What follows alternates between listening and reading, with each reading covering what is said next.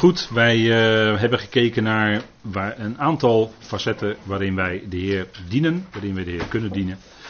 En dat is vooral uh, de geestelijke rijkdom die we hebben, die we verder uitdragen en waar we in mogen bezig zijn. Maar de Heer dienen, dat is natuurlijk in ons hele leven, in alle facetten. Waar we ook zijn, of we thuis zijn, of op ons werk, of waar dan ook. We dienen de Heer in wat we doen. En dat is ook uh, datgene wat de Heer dan voor ons heeft uh, klaargelegd. En het punt is dat wij de Heer willen dienen. En daarom uh, zegt Paulus ook hè, tegen gelovigen: wees standvastig, onwankelbaar. Te allen tijden overvloedig in het werk van de Heer. Weten dat jullie arbeid niet te vergeefs is in de Heer. En soms is het ook wel eens dat je denkt: het is ploegen op de rotsen.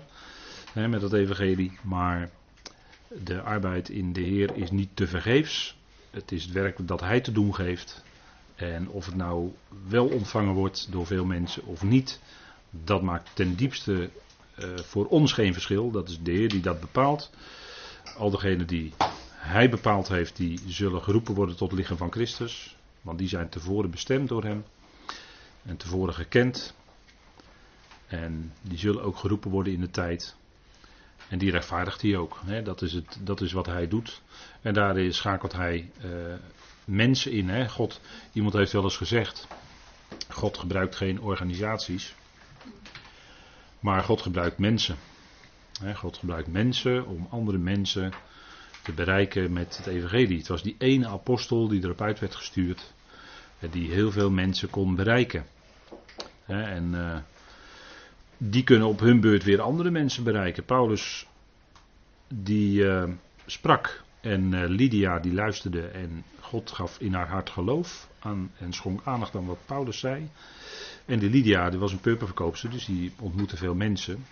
En die zal ongetwijfeld uh, later dat evangelie met heel wat mensen gedeeld hebben. Dat stel ik me dan zo voor. He, dat iemand was die dan weer wat verder. En dat is een koninklijk, ze was niet voor niets uh, purperverkoopster. Hè. Dus een, uh, bijna zou je zeggen een koninklijk iets. Hè, als je dat mag doorgeven. Echt koninklijk is dat. Ja, maar de genade die we mogen kennen, die werkt door in ons leven. En die genade die zorgt er ook voor dat we in ons hart ruimer worden naar andere mensen. En daar gaat de volgende tekst over. Want dat is er eentje die we ook meenemen. Laat jullie inschikkelijkheid bij alle mensen bekend worden.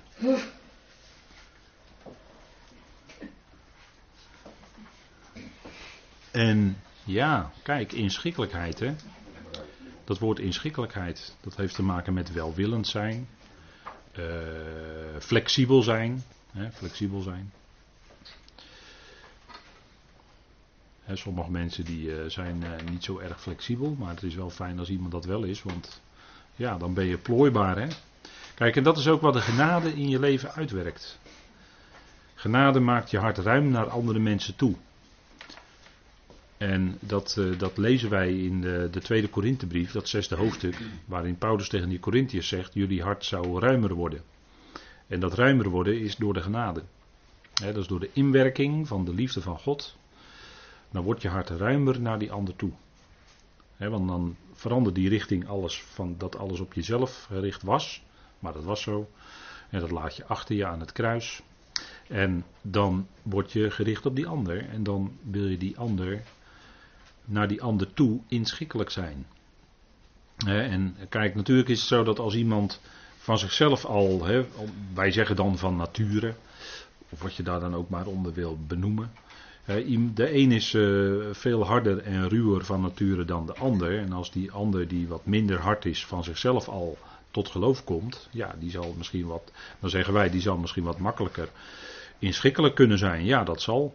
Maar als iemand nou uh, ruw was en een woesteling, zoals Paulus, hè, uh, Saulus, sorry, zoals Saulus, een woesteling, hè, die dreiging en moord blies tegen de, tegen de discipelen van die weg, hè, dat was, dat was, hè, dat was er nogal iemand. Die jongen flink tekeer gaan. die eh, manifesteerde zichzelf wel. Die vervolgde de christenen. Tot en met. Kijk, en diegene, die, dat is nou mooi hè, die wordt door God geroepen. Zonder voorwaarden, want hij was heel met hele andere dingen bezig. Hij was zich helemaal niet bezig zich te bekeren of zo. Helemaal niet, integendeel zelfs. Hij was op weg naar Damascus en daar had hij snode plannen hoor, om de gelovigen daar ook te grazen te nemen. Zo was hij bezig hè. En op dat moment pakte de Heer hem in zijn nekvel en zei, nou moet ik je hebben. En dat is overstromende genade. Daar spreekt hij over hè.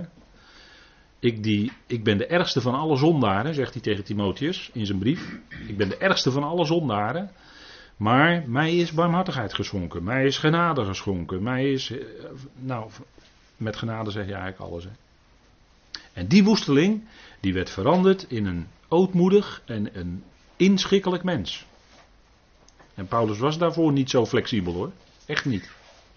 Die was niet zo te plooien die kon dan door de, goed, door het Sanhedrin, die konden hem dan wat manipuleren zo, in bepaalde richtingen natuurlijk. maar eh, hij was niet zo flexibel hoor, die Paulus, Saulus. Maar door de genade, de inwerking van de genade, ja, dat veranderde zijn leven radicaal. Dat was een enorme verandering van binnen in zijn hart. Kijk, en als dan zo iemand verandert in een welwillend, in een inschikkelijk, in een ootmoedig mens, dan zeg je, ja, dat is een groot wonder. Ja, dat is het ook. Dat is een groot wonder hoor, als dat in een mensenleven gebeurt. En ik denk dat dat in deze bedeling van genade de grootste wonderen zijn. Niet dat iemand lichamelijk genezen wordt, maar dat iemand in zijn hart geraakt wordt door het evangelie en dat het leven van binnenuit, vanuit het hart gaat veranderen, dat iemand daadwerkelijk als mens ook verandert. Van een woesteling in een welwillend mens. Hè, inschikkelijk zijn. Daarin hoor je ook de zachtmoedigheid. En dat is de werking van de geest. Dat is de werking van Gods geest in de mens. Het is de vrucht van de geest. En natuurlijk komt het ook voort uit waar we het net over hadden, die vreugde in het hart. als jij vreugde hebt in je hart van het evangelie, dan, dan werkt dat ook uit dat je inschikkelijk wil zijn. Maar dat gaat van binnenuit. Dat, dat, kan je, dat wordt ook niet opgelegd door Paulus. Hij zegt ook, laat jullie inschikkelijkheid, je hoort het al in de werkwoordsvorm in het Grieks, laat jullie inschikkelijkheid bij alle mensen bekend worden. Daar, daarin hoor je, de, ook in de werkwoordsvorm, hoor je de genade. He, er is niets strengs bij, er is niets bij van je moet en anders. Er zit geen stok achter de deur. Maar het is voluit de uitwerking van de genade en de vreugde in je hart. Ja, en dat gaat dan uitwerken naar, naar de mensen om je heen. als je een gezin hebt, allereerst in je gezin natuurlijk gaat dat uitwerken. als uh, ja, kinderen kunnen behoorlijk dwars zijn, zeker, zeker. En die moet je opvoeden. Ja, wel, zeker. Die moet je goed opvoeden. Natuurlijk. Maar uh, je kan natuurlijk de keiharde hand hanteren in de opvoeding. Gewoon keihard zijn naar je kinderen. Kan. Maar ik denk niet dat dat de genade is hoor. Ik denk wel duidelijkheid en consequent zijn, dat dat wel goed is, denk ik. Maar de genade is dat je, ja, daar ga je ook anders, denk ik, met de opvoeding van je kinderen mee om. En, en, want dat verandert jouw hart ook als ouder naar jouw kinderen toe. En dan kun je iets laten zien van hé. Hey. En dat is denk ik toch anders dan, ehm, ja, altijd het hanteren van de wet. En natuurlijk moet je regels hebben, zeker. Zeker met kinderen moet je regels hebben, zeker. Maar je kan het op een wettische manier doen, de regels stellen. En je kan de regels handhaven op een genadevolle manier. En ik denk dat daar toch een heel groot verschil in zit. En eh, dat, dat merken kinderen. En dat merk je ook aan de kinderen, hoe kinderen zijn. Daarin merk je ook een stukje opvoeding natuurlijk. Dat zijn, zijn wezenlijke dingen. Kijk, laat jullie inschikkelijkheid bij alle mensen. Het gaat hier over alle mensen. Dus ook naar je eigen kinderen toe, of naar je ouders toe, of naar je ooms en tantes toe, of naar je broers en zussen toe. Eh, ik, ik noem, noem allerlei dwarsstraten van mensen die je in je leven tegenkomt. He? Want Paulus zegt hier echt inclusief. Hè? Dit is weer all inclusive. Daar houden we van als we op reis gaan. All inclusive. Maar alle mensen dus, hè, hier, daar gaat het echt om. Alle mensen. En als nou die ander jou ontmoet, wat heeft die ander dan in jou ontmoet? Hè, heeft hij iets van de Heer? Is dan zichtbaar geweest? Dat is die inschikkelijkheid. Want de Heer, toen hij zelf op aarde was, was de Heer ook inschikkelijk hoor. Hij moest natuurlijk doen wat de Vader hem gaf te doen. Zeker, zeker. Maar hij was wel inschikkelijk hoor, bij gelegenheid. Hij wilde niet per se op de voorste rij liggen bij, uh, toen hij uitgenodigd werd bij de Fariseeën. In huis. Hoefde hij niet per se op de voorste bank te liggen als belangrijkste persoon. Dat zei hij ook tegen zijn discipelen. Hij leefde dat zelf voor. Maar dat was de Heer die in zijn genade met mensen omging. Kijk, als je ziet hoe Jezus omgaat met mensen, hè, toen hij op aarde was, dan zie je daarin ook de genade hoor. Zeker. Zeker.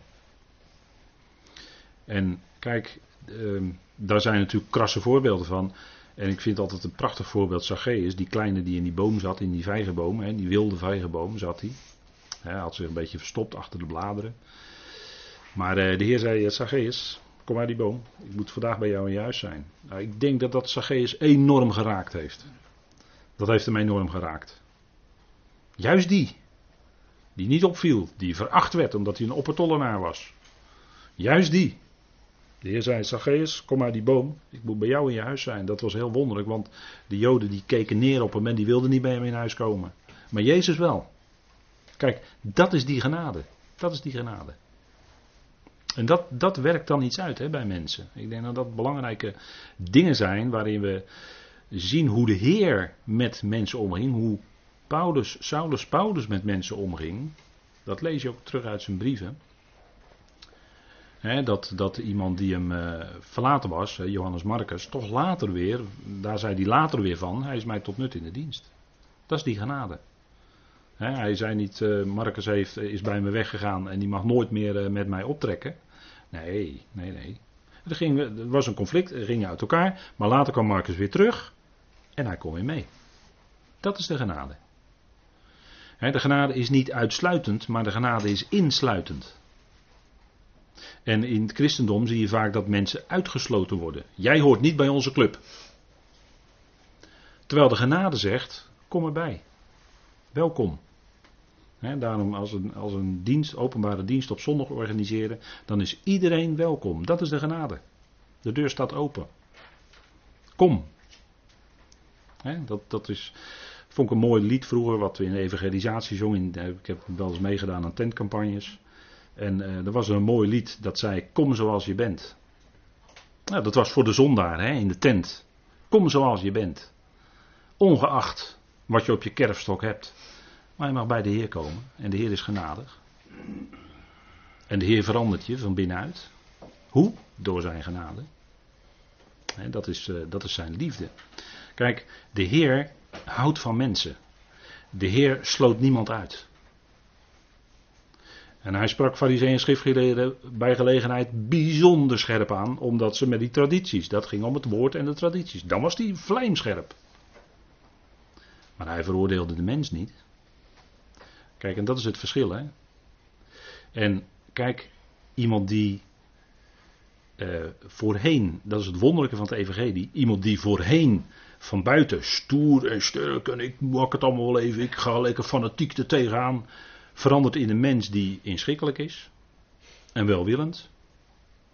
Hoeft nog niet te zeggen dat je altijd over je heen laat lopen, maar wel welwillend kunnen zijn. En, en dat blijkt ook uit je spreken. Hè? Want eh, ja, er staan twee teksten uit spreuken, had ik erop gezet. Spreuken 15, laten we eens met elkaar lezen. Dan, dan blijkt, kijk, want ik, met, met de Romeinen denk ik altijd van, eh, de eerste verandering die mij, bij een mens blijkt is uit zijn spreken. Uit zijn of haar spreken. En daar gaat spreuken ook over. Spreuken 15 vers 1. Daar staat, en ik lees u uit de herziende statenvertaling. Een zacht antwoord keert woede af. Maar een krenkend woord wekt toren op. Nu ziet u de uitwerking van woorden hè, die wij spreken. Daar gaat het vanavond toch wel nadrukkelijk over. Uh, dit is een enorm verschil. Hè? Kijk, een zacht antwoord, dat is als je in het kader van Paulus zet, is het een antwoord waarin de genade doorklinkt. En zo kan je ook naar die ander toe reageren. En dat is ook een groeiproces. Dat kun je ook niet van de een op de andere dag. maar dat, dat woord gaat werken in je leven. En die genade werkt dan uit dat je iemand op een andere manier kan antwoorden dan dat je dat in je oude mens zou doen. In je oude ikkie. Want het oude ikkie is mee gekruisigd. En daarvoor is dat nieuwe ik gekomen, die nieuwe identiteit, dat is Christus in je. We zouden niet onszelf uh, leren kennen, want dat is wat overal gepredikt wordt in filosofie. Ken jezelf. Nee, het Evangelie zegt: ken de Heer, ken Christus. Daar gaat het om. Hem kennen. Daar strekte Paulus zich naar uit. Hè?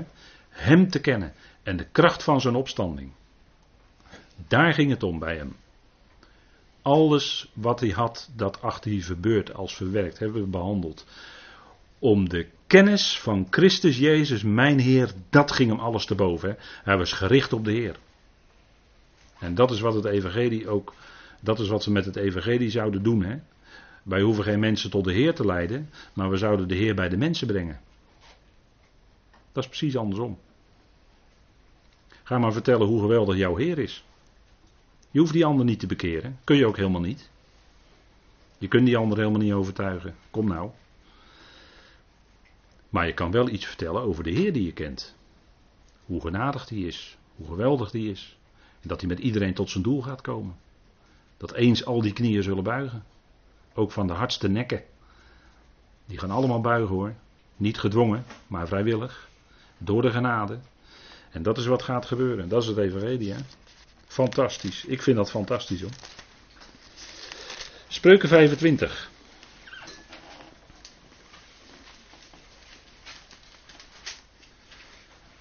Kijk, dat is ook weer zo'n fijn woord uit spreuken wat je even in de juiste richting zet. Spreuken 25 vers 15. Met geduld wordt een leider overgehaald. Leider met EI, hè? Niet, niet met de lange ei, maar met EI, korte ei. Met geduld wordt een leider overgehaald. En een zachte tong, daar heb je hem weer, kan beenderen breken. Meestal is het zo als jij keihard tekeer gaat tegen iemand, dat je iemand volledig tegen jou in het harnas jaagt. Dat is meestal hè, de uitwerking van harde woorden. Maar een zacht antwoord, kijk, dat kan iemand, een zacht woord, zacht, dan bedoel ik dus door het evangelie, door de genade, verzacht, zachtmoedig zijn, dat kan zelfs beenderen breken. Dat kan zelfs de hardste harten breken. De Heer weet de weg tot een onmogelijk hart, tot een onmogelijk mens. Dat is voor de Heer niet zo moeilijk hoor. Kijk maar naar Saulus. Als hij de ergste zondaar gered heeft, dan kan hij alle zondaren redden. Dat zegt Paulus ook. Hè? Hij heeft mij als ergste zondaar gered. Nou ja, goed, dan is het ergste al geweest. Dan komt de rest ook. dus dat is voor de Heer niet zo moeilijk hoor. Maar we onderschatten, denk ik wel eens, de kracht van het woord. De kracht van het evangelie. De kracht van de genade. En genade lijkt zwak, maar het is de allergrootste kracht. De Heer is nabij. Kijk, dat is de overweging hè, die Paulus erbij zet. Laat jullie inschikkelijkheid bij alle mensen bekend worden. Plus, nadrukkelijk plus dit. 1 plus 1 is 2.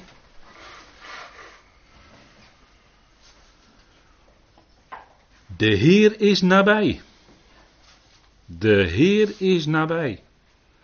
En dat is niet alleen dat zijn komst heel dichtbij is. Dat is ook zo. Want dat is elke dag weer dichterbij. Maar kijk, omdat de Heer nabij is en we weten dat Hij gaat komen, dan richten wij niets, zegt Paulus, voor de tijd dat de Heer zou komen. Dat is onze inschikkelijkheid. Overweging, de Heer is nabij. En de Heer is altijd nabij in welke situatie wij ook zijn. Waar wij ook zijn, of wij op de Zuidpool zijn, of op de Noordpool, of in Groenland, of in uh. Waar we ook zijn, de Heer is nabij. Hij is overal. Dat zegt Psalm 139 toch? Waarheen zou ik kunnen gaan voor uw aangezicht? De bodem van de zee? De hoogste hemel? U bent daar. Of zou ik uh, vluchten naar de andere kant van de aarde? Hè? Down under, Australië. Daar is hij ook. De Heer is nabij. Hè? We richten niets voor de tijd dat de Heer zou komen. Dat is een overweging. Hè? En daarom kunnen we welwillend zijn. Wij hoeven die ander niet te richten of te oordelen te be of veroordelen. Nee, dat doet de Heer wel. Dat is niet aan ons, dat is aan de Heer. En als je dan soms hoort akelige berichten over mensen, en soms heel akelig, Dan denk je van, och, en wat kun je, ervoor, wat kun je eraan doen? Je kan er alleen maar voor bidden. Je hebt er verdriet van. Maar we gaan niet be- of veroordelen, we gaan toch niet met de vinger wijzen. Dat is niet naar de genade. De Heer is nabij.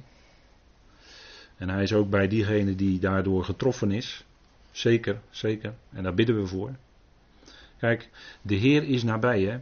Um, wij zijn gezegend in Christus met iedere geestelijke zegen. Fantastische woorden uit de Efezebrief. Fantastisch. Dat blijft altijd staan. Hè? Dat kunnen we niet verspelen. Dat is zo geweldig. Je kan het niet verspelen. Je, je staat bij aanvang van je geloofsleven sta je al ver op voorsprong. En die voorsprong ga je nooit meer kwijtraken. Want de Heer is nabij. Hè? De Heer heeft je gezegend. Met al die zegeningen. Je kan het zo rijk niet bedenken. Maar dat is allemaal aan je geschonken. En de genade is nog groter dan dat. Maar kijk, daarom kunnen wij welwillend zijn. Hè?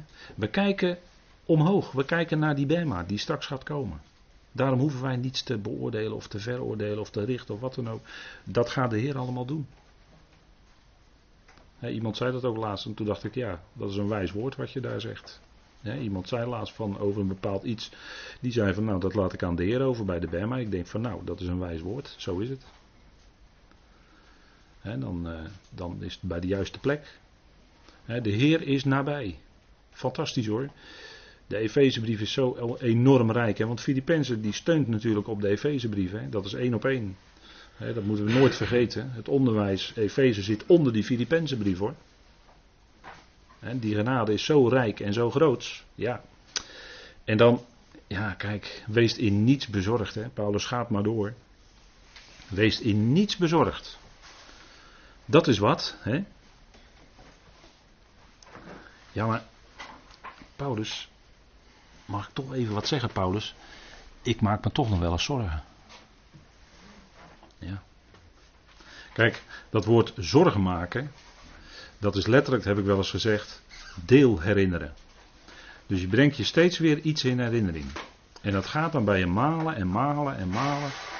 En weet u wat dat is? Dat is jouw denken. En met jouw eigen denken, daar, kom je eigenlijk, daar ga je gaandeweg wel ontdekken in het leven natuurlijk. Dat heeft u, u, u ziet hier veel grijze haren, trouwens ik heb geloof ik ook grijze haren. Maar dan ga je gaandeweg wel ontdekken, door het leven, dat al dat denken en dat zorgen maken, het brengt je geen stap verder hè. Het brengt je geen stap verder. Ja, je ligt s'nachts wakker, dat wel. En dan ga je oplopen, heb ik ook allemaal gedaan hoor, jaren geleden. Ga je oplopen, je maakt je zorgen, over hoe het gaat in de gemeente. Dat was dan mijn zorg, wat zwaar op mijn hart lag. Je maakt je zorgen over hoe het gaat in de gemeente. En dan tot dit en dan. En die en die heeft dat gezegd. En de zus. En je moet eigenlijk toch die andere. Ja. Heb je allemaal van die overwegingen. En je ontdekt dan gaandeweg. Ja. Je komt er toch niet echt verder mee. De Heer werkt dingen uit. Je hebt verdriet in je hart. De Heer werkt dingen uit. En toch zegt Paulus, wees in niets bezorgd. En Paulus had heel wat op zijn nek hoor. Die hoorde heel wat van allemaal gemeentes, wat er allemaal gebeurde. En gelaten die weken af naar de wet. En de Corinthiërs waren, die, die zakten helemaal weg in hun vlees. En uh, noem alles maar op, in alle liederlijkheid en weet ik veel. Daar, daar kon hij zich allemaal zorgen over maken. En toch zegt hij in deze brief, wees in niets bezorgd. Kijk, en de Heer zei ook al iets hè, over zorgen maken. Die had het over raven, weet je wel. Let op de raven, zei de Heer. Dat is, dat is eerder onderwijs, hè. Zou je zeggen, dat is nog bij Israël, dus dat is toch nog wat lager niveau. Om het zo maar even snel te zeggen. Hè? Maar de Heer zei het ook al, eh, Lucas 12, hè, Lucas 12, gaan we even opzoeken. Lucas 12. Kijk, eh, het is wel eens goed om naar de vogels te kijken. Vogels uh, in deze zin dan. Je hebt ook andere vogelen des hemels, dat weet u wel. Dat heeft een hele andere kant, maar goed. Lucas 12. Ik heb daar wel eens een keer over gesproken. Lucas 12. Uh, eh, vanaf vers 22. En hij zei tegen zijn discipelen: dat zijn zijn leerlingen. Daarom zeg ik jullie, wees niet bezorgd over je, ja dan staat er leven, maar er staat eigenlijk ziel hè, over je ziel. En dan gaat het natuurlijk over deze dingen, over wat je zou eten, Of over je lichaam waarmee je zult kleden. Want de ziel is meer dan het voedsel en het lichaam is meer dan de kleding. Hey, eye-opener hè. Wij maken ons vaak net als vele andere mensen heel erg veel druk over ons voedsel. mensen maken zich soms heel druk over voedsel. Nou, nou. Nou, nou. Of over kleding. Ja, daar kun je ook natuurlijk uh, altijd mee bezig zijn. Hè? Met kleding kan. mensen zijn er ook altijd mee bezig. En nou, ik ga niks vertellen over hoe het in de mode werkt, maar en portemonnees en zo. Maar goed, um, let op de raven. Zij zaaien niet en ze maaien niet. Ze hebben geen voorraadkamer en geen schuur. En God voedt ze. En hoe ver gaat u de vogels te boven? Zo, daar zit je dan als gelovige even op je, op je bank, hè? Als de Heer dit al zegt tegen zijn discipelen, en dan gaat Paulus eigenlijk nog verder. Paulus zegt, die gaat nog een stap verder, die zegt, wees in niets bezorgd. En dan zegt de Heer, wie toch van u kan met bezorgd te zijn één L aan zijn lengte toevoegen? Aan zijn levenslengte. Hè? Dus je kan je heel erg druk maken over dat eten en over kleding.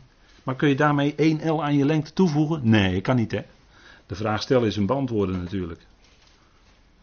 En als je het minste niet kunt, waarom ben je dan over anderen bezorgd? Let op de lelies, hoe ze groeien. Dat zijn geloof ik de veldanemonen gaat het hier over. Hè? Misschien heeft u dat uh, gecorrigeerd in uw Bijbel ooit. Ze werken niet en ze spinnen niet. En ik zeg jullie dat zelfs Salomo in al zijn heerlijkheid niet gekleed ging als een van deze. Als God nu het gras op het veld dat er vandaag is en morgen in de oven geworpen wordt zo bekleed, hoeveel te meer u, kleingelovigen. En vraag niet wat je eten of drinken zult, wees niet verontrust. Want naar al deze dingen zoeken de volken van de wereld. Want jullie vader weten dat je deze dingen nodig hebt. Kijk, je kun je, kijk er zijn van die mensen die zijn op hun dertigste jaar bezig. Uh, hoeveel netto pensioen ze krijgen als ze 67 zijn.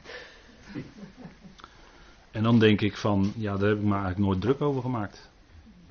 Over wat ik nou netto krijg als ik met pensioen ben.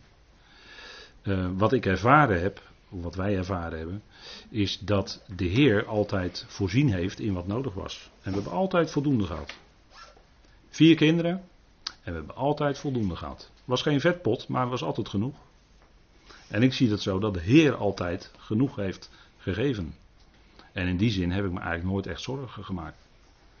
Maar dat is ook iets wat je, denk ik, gaat leren gaandeweg. He, en ja, je kan je natuurlijk druk maken over van alles. Maar als je nou niet weet, al niet weet wat er morgen in je leven gaat gebeuren. Wat zou je dan zorgen maken? Maar dat moet je leren, die les moet je allemaal leren natuurlijk. Heb ik ook, heb ik, net als ieder ander. We moeten dat allemaal leren. Maar wees in geen ding bezorgd. En wat kan je dan wel doen? Want, hé, hey, dat is leuk, ik hoef me geen zorgen te maken. Wat kan je dan wel doen? Nou, je kan wel iets doen. Dat is dit. Maar laat in alles jullie verzoeken met dank, en daar gaat het om. Met dank bekend gemaakt worden bij God. En nu worden er in de psalmen hele fijne dingen gezegd over gebed. Dingen die je zeker ter harte kan nemen. Ik vind altijd een bijzondere, in, ergens in de zestiger psalmen, moet u maar eens opzoeken. Stort je hart uit voor zijn aangezicht. Dat is goed om te doen hoor. Voor de Heer je hart uitstorten. Dat is goed. De Heer hoort je en daar is het ook veilig. De Heer gaat het echt niet verder vertellen aan andere mensen. Maar stort je hart maar uit voor zijn aangezicht. En het, het punt is dat er in psalmen hele fijne dingen staan over gebed. Zeker. En zeker het lezen en het doen waard. Maar wat ontbreekt bij de psalmen is dit, dat die dank. In de psalmen wordt niet gesproken over dankzegging. En hier wel bij Paulus. Dat is een enorm verschil. Met dank bekendgemaakt worden bij God. Dat is wat we wel kunnen doen, hè? Want het gaat werkelijk over bekendgemaakt worden bij God. Dus daarvoor kun je ook je mond gebruiken, je tong. Of misschien is het zo moeilijk dat je geen hoorbare woorden over je lippen kan krijgen. Dat kan. Dat kan. Zeker. Zeker. En dan leest de Heer die woorden die in je hart zijn. Die jij tot hem bidt. Dat weet hij. Maar laat in alles jullie verzoeken, dus wat jij verzoekt, wat jij wil, met dank bekend maar. Waarom nou met dank? Met dank. Omdat God de dingen in ons leven uitwerkt. Dat is geen dooddoener, absoluut niet. Maar als je dat ervaart van stap tot stap, dan is het een kostbare waarheid voor je. De Heer werkt de dingen uit in je leven. En achteraf terugkijkend ga je zien, ja Heer, het was ten goede, het was goed dat u het zo deed. Op het moment zelf heb je het er misschien stik moeilijk mee. Maar achteraf ben ik van overtuigd, ga je het zien, hij is veel wijzer dan dat wij zijn. En hij heeft dan gezorgd, toch. En daarom kunnen we stapje voor stapje leren dat we ons ten diepste geen zorgen hoeven te maken. Maar dat we dit kunnen doen. Dit is die weg die we elke dag kunnen doen. Dit is wat we elke dag mogelijk hebben, als mogelijkheid hebben. De weg naar Hem is altijd open. Nooit afgesloten. Wat er ook gebeurd is, wat je ook gedaan hebt, die weg is nooit afgesloten. Je kunt altijd bij Hem binnenkomen. En dan kun je alles bekendmaken bij God. En die God, die is plaatser. Dat betekent het Griekse woord, die plaatser. En hij plaatst alles van stap tot stap in uw en in mijn leven. En dan is het goed. En dan kun je God eigenlijk van tevoren al gaan danken voor de manier. En dan, dat is een stap verder hoor in het geloof. Maar dan kun je God al van tevoren gaan danken voor de manier waarop Hij het gaat uitwerken. Dat is vertrouwen hebben. Dat is geloven. Geloven is hetzelfde als vertrouwen en vertrouwen is hetzelfde als geloven. Dat is God geloven. Dat is God vertrouwen. En dat is echt niet iets waarvan Paulus zegt, nu moet jij God gaan vertrouwen, als een moeten. Nee, dat gaat als vanzelf. Van stap tot stap ga je vader steeds meer vertrouwen. Vader, het is goed wat u doet. Het is goed. Het doet pijn, soms, soms veel pijn. Maar vader, het is goed. Het is de weg die u kennelijk gaat met mij. En heb je toch heel diep van binnen in je hart, ondanks die tranen, de vreugde dat de Heer nabij is. Nou, tot zover vanavond.